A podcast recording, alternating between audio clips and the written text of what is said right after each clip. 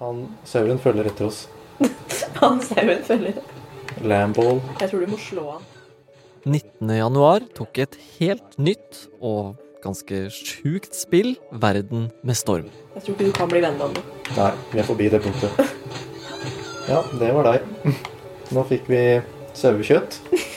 Herlig. Forklart praktikant Heidi har testa spillhiten Palworld sammen med broren sin, fordi han har Xbox. Kanskje vi må ha litt høyere lyd.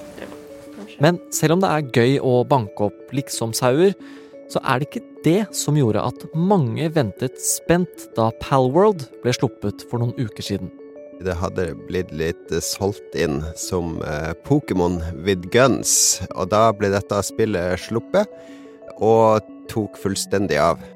På seks dager ble Palworld lastet ned av over åtte millioner mennesker bare på PC. På Xbox gikk de forbi selveste Fortnite i antall daglige spillere. Altså det spillet basically alle spiller hele tiden. I Palworld skal du fange noen rare dyr i små baller, og du skal mine ut materialer du trenger for å bygge hus og våpen og ja. Det lyder kanskje litt kjent. Det er dette som er pals istedenfor å si Pokémon. For er den nye store spillfavoritten bare plagiat av andre? Du hører på Forklart fra Aftenposten, hvor vi tar for oss én nyhet i hver episode. I dag om gigasuksessen til Palworld, og om kritikken. Det er onsdag 31. januar, og jeg heter David Vekoni. Eh, hva skal vi kalle deg igjen? Eh, spillanmelder, eller? Ja, spill, eh, spillekspert kan du bruke. Ja. Jeg er alt mulig innen spill. Alt mulig innen spill Jon Cato Lorentzen, som skriver om spill og kultur her i Aftenposten, har også fått lagt inn noen timer i det nye snakkisspillet Palworld. Det er uh, i en sjanger som er relativt ny og populær, som kalles for overlevelsesspill, eller survival games. Du blir plassert i en verden uh, helt uten uh, kunnskaper eller verktøy eller noe som helst, og så begynner du gradvis, altså når du går rundt, så kan du samle litt kvister, du kan samle litt stein, du kan samle litt gress, og så finner du ut at jeg, jeg kan eh, feste denne stein til denne pinnen, og så har du plutselig en øks, og da kan du hogge ned trær, og da har du plutselig tre, og så kan du begynne å bygge deg hytte og ulike verktøy og våpen og klær, og så er det ofte at elementene, at det er kulde, at du må finne mat, eh, eller så dør du av sult. Så du må hele tida holde deg i live, er det det går ut på, eh, ved å samle ressurser og bruke disse riktig. Oi, nå har vi en stein også. Nå har vi stein og tre. De to viktigste ingrediensene for overlevelse. Og hva er det som har gjort eh, dette spillet her til en så stor snakkis nå? Altså, hva er det som gjør det populært? Det er fordi det tar veldig mange elementer fra ulike spill som er populære, og blander de sammen i et nytt spill som egentlig ingen har gjort før. Altså, det tar elementer fra Pokémon og løfter det opp i en kontekst der eh, Nintendo ikke har hatt lyst til å gå. At du med disse vesenene da kan sette de til arbeid, eller få de til å slåss for deg, eller du kan ri på de og fly på de. Ja, det var den fanga. Wow! Ja, nå har vi et lam i en ball. Vår første pal. Så det er 111 forskjellige pals. Vi har møtt tre og drept én. Og så tar det elementer fra Fortnite, og elementer fra sånne store verdensspill som Breath of the Wild, og elementer fra spill som Ark, som liksom er et av de ledende overlevelsesspillene. Så du kjenner igjen elementer fra alle disse spillene, som bare er sydd sammen i en, en lapskaus av spillkonsepter, som fungerer helt topp sammen. Nei. Uff da. Å nei. Å nei, nå tok vi fyr. Å nei! Dette var dumt. Du må gå i vannet. Hvordan vet du det? For du brenner. Altså Sånne her spill er veldig sånn belønningsbasert, at du skal trigge det der dopaminet i hjernen din med at alt er innen rekkevidde, og bare fem minutter til så får jeg det, og fem minutter til så får jeg det, og så plutselig så er det på tide å, å gå på jobb, ikke sant? Det, det er sånn type mekanismer i spillet som får deg klistra foran skjermen ganske lenge.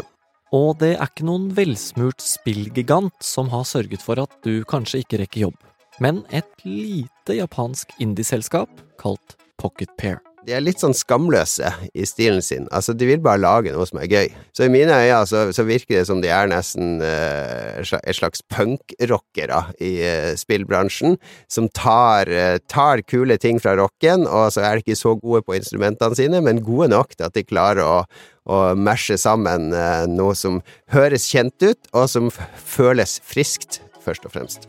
Hvis Pocket Pair er punkrockere, så har de i alle fall god business-teft. Ifølge sjefen Takuro Misobe så var grunnen til at de søte små skapningene har våpen, at spillet skulle slå an i det store spillmarkedet i USA. For som han sa, amerikanere liker å skyte ting. Så langt så må vi kunne si at det funka. Populariteten til dette spillet her er helt uh, unik. Altså, de som spiller spillet, er kjempebegeistra. Uh, og det er fordi spillet er på en måte litt forløsende for mange. Har litt sånn lavere uh, skuldre og en litt sånn fuck you-holdning, fordi det, det, er litt sånn barnslig sånn internetthumor i spillet, i disse beskrivelsene av monstrene, og så er det en del sånne ting du Altså, du kan spise monstrene du fanger, men du kan også fange visstnok mennesker i spillet og sette til å jobbe for deg som slave, og du kan også selge disse menneskene. Altså, det er jo ikke ekte mennesker, det er jo et dataspill, men at det, er litt sånn edgy på, på, de tingene der, og det tror jeg er litt forløsende for mange som ler av at det tør å gjøre disse tingene. Uh, det, det, blir som en litt sånn parodi, satire, på, på ting andre ikke uh, har holdt seg litt unna i spill. Men på den andre side så har det også skapt mange negative reaksjoner. Ja, for selv om Palworld er en megahit, så er det også noen mulige skjær i sjøen her. Fra flere hold kommer nå kritikken om plagiering og kopiering. Er det Pocket Pair gjør her i det hele tatt lov?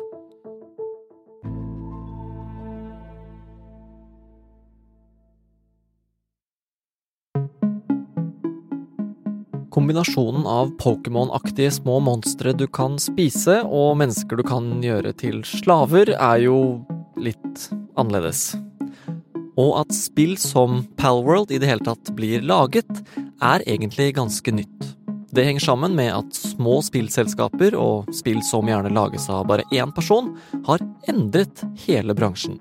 De har revitalisert hele eh, spillmarkedet, fordi det at eh, man kan fortelle små, personlige historier, eller bruke estetikk, som disse store selskapene mente vi skal ikke lage denne type spill lenger, eller spill skal ikke se sånn ut lenger, det kunne indieselskapere ta og vekke til liv igjen, og uh, appellere til en målgruppe som savner eller ønska eller vil ha mer utfordrende spill, eller vil ha spill som handler om spesifikke, uh, smale temaer.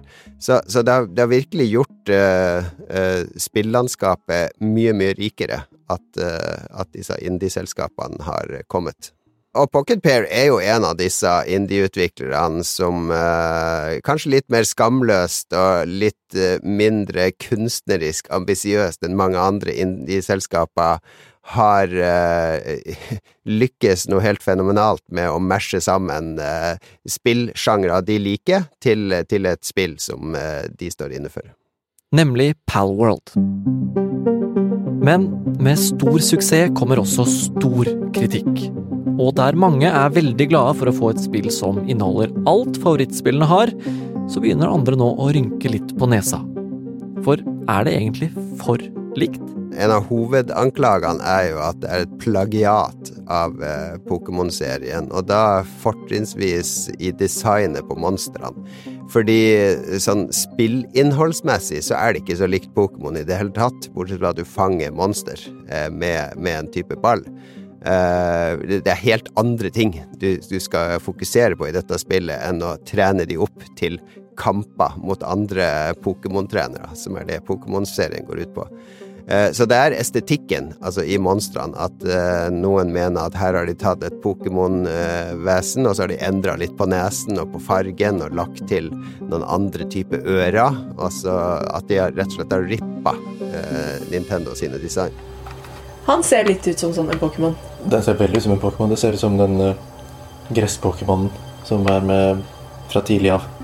Oi, den ligner på Eevee-Pokémon. Er hele Palworld-greia egentlig bare en kopi av Pokémon? Eller er det en parodi på Pokémon? Grensa for hva som er å regne som plagiat i gamingverden er ikke helt åpenbar. Det er litt komplekst, fordi eh, på hvilket eh, nivå skal man kunne trademark eller copyright eh, konsepter og spillelementer? Eh, det, det, har blitt gjort eh, forsøk på mye. Eh, og en del er uh, copyrighta, og da, da, går det ofte på hardware. For eksempel så Nintendo trademarka jo det styrekrysset, altså der, det plusstegnet som var på sånne håndkontrollere ofte, der du styrer til høyre og venstre, opp og ned. Det trademarka de, sånn at når Sony skulle lage PlayStation, så kunne de ikke ha et sånt kryss. Da måtte de ha fire separate knapper i hver retning i stedet, ellers så hadde det vært en trademark infringement. Eh, men det, det, går mer på maskinvare. Men når det gjelder innholdet i selve spillene, så har det blitt gjort forsøk på å trademarke eh, for eksempel skyteknapp eller eh, fraser eller altså, det ville vært veldig rart hvis noen skulle trademarke et førstepersonsperspektiv. Vi lagde det første spillet der du kunne se gjennom øynene på karakteren, så alle andre som skal lage spill med dette perspektivet, skal betale oss. Men så er det jo en del ting utover de helt grunnleggende som gjør et spill til spillet du elsker. La oss f.eks. si at du utvikler et spill hvor figuren din skal hoppe fra en plattform til en annen for å redde noen fra et monster og samtidig samle inn gullpenger underveis. Da kan du bare kjøre på. Men om du samtidig sier at denne figuren er en rørlegger i snekkerbukse og rød caps, og at han f.eks. kan hete, ja, skal vi si, Mario, og si ting på karikert italiensk-engelsk, da har du plutselig et problem. Litt sånn kan det være med disse Pokémon-inspirerte figurene også. Det er jo kunstnere i, eh, i, i eh, Nintendo eller i Pokémon Company som har laga design av disse Pokémonene, som nå Pokémon-selskapet eier. Så det vil jo være snakk om tar de vårt design som vi har brukt penger på, og trademarka og solgt og gjort om til spillkort og som barn har på veggen på plakater, har de bare tatt disse figurene og putta inn i sitt spill. Så da vil det bli en skjønnsvurdering. Er, de, er det samme figur eller ikke? Det er litt interessant, da, fordi da Pokémon først kom, så var det mange som påpekte at disse eh, monstrene ligner veldig på monstrene i en spillserie som heter Dragon Quest. Så, så Nintendo og Pokémon er ikke helt eh, uten inspirasjonskildene, de heller. The Pokémon Company, som er delvis eid av Nintendo, kom forrige uke med en uttalelse hvor de sier at de har mottatt mange forespørsler om et annet selskapsspill som ble lansert i januar 2024. De sier også at de ikke har gitt noen tillatelse for bruk av åndsverk eller spillgjenstander knyttet til Pokémon i det spillet, og at de kommer til å etterforske og ta passende steg for å ta tak i enhver gjerning som bryter med rettighetene knyttet til Pokémon. Basically så sier de 'slutt å mase, vi skal undersøke dette'. For jeg tror de har fått så mange mail fra, fra litt overivrige Pokémon-fans som skal påpeke at her er det noen som, eh, som stjeler fra dere. Så jeg er, litt, jeg er litt spent på hva Nintendo faktisk gjør, men jeg tror egentlig at de er ferdig med dette fra sin side, og ikke vil dra Pokémon enda mer ned i den søla som Palworld er, for det, det er litt sånn messy eh, internett-meme-spill som har tatt helt av, og Nintendo har lite å vinne på å være store, stygge ulv her. PocketPair, selskapet bak Palworld, sier at de er veldig seriøse i arbeidet med spillene sine, og at de ikke har noen intensjon om å plagiere andre selskapers åndsverk. Uansett blir populariteten til Palworld bare større og større, og med det også dette lille indie-selskapets lommebok. Jon Cato, tror du Palworld kommer til å fortsette å vokse fremover og bli det nye, store spillet? Jeg tror de kommer til å forsøke.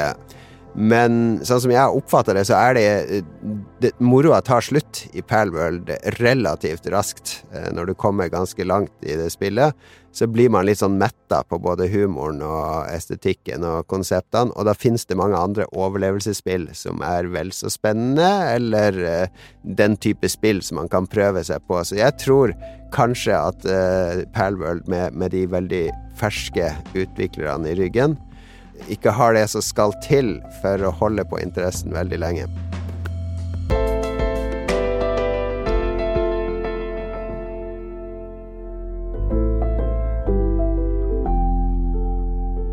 Du har hørt en podkast fra Aftenposten. Det var Jon Cato Lorentzen som forklarte Palworlds suksess, og Heidi Akselsen og broren Daniel Akselsen som banket opp en sau i spillet. Lyden du har hørt, er det Heidi som har tatt opp. Denne episoden er, som du da sikkert skjønner, laget av Heidi Akselsen, Fride Næss Nålstad og meg, David Vekoni. Og resten av Forklart er Synne Søhol, Olav Eggesvik, Philip A. Johannesborg og Anders Weberg. Følg oss gjerne på Spotify, så får du de nyeste episodene opp i feeden din, og kan være med å svare på spørsmål og meningsmålinger. Og hvis du syns Forklart er sånn tålelig greit å høre på, så blir vi veldig glade om du vil anbefale oss til en venn. Takk for at du hørte på.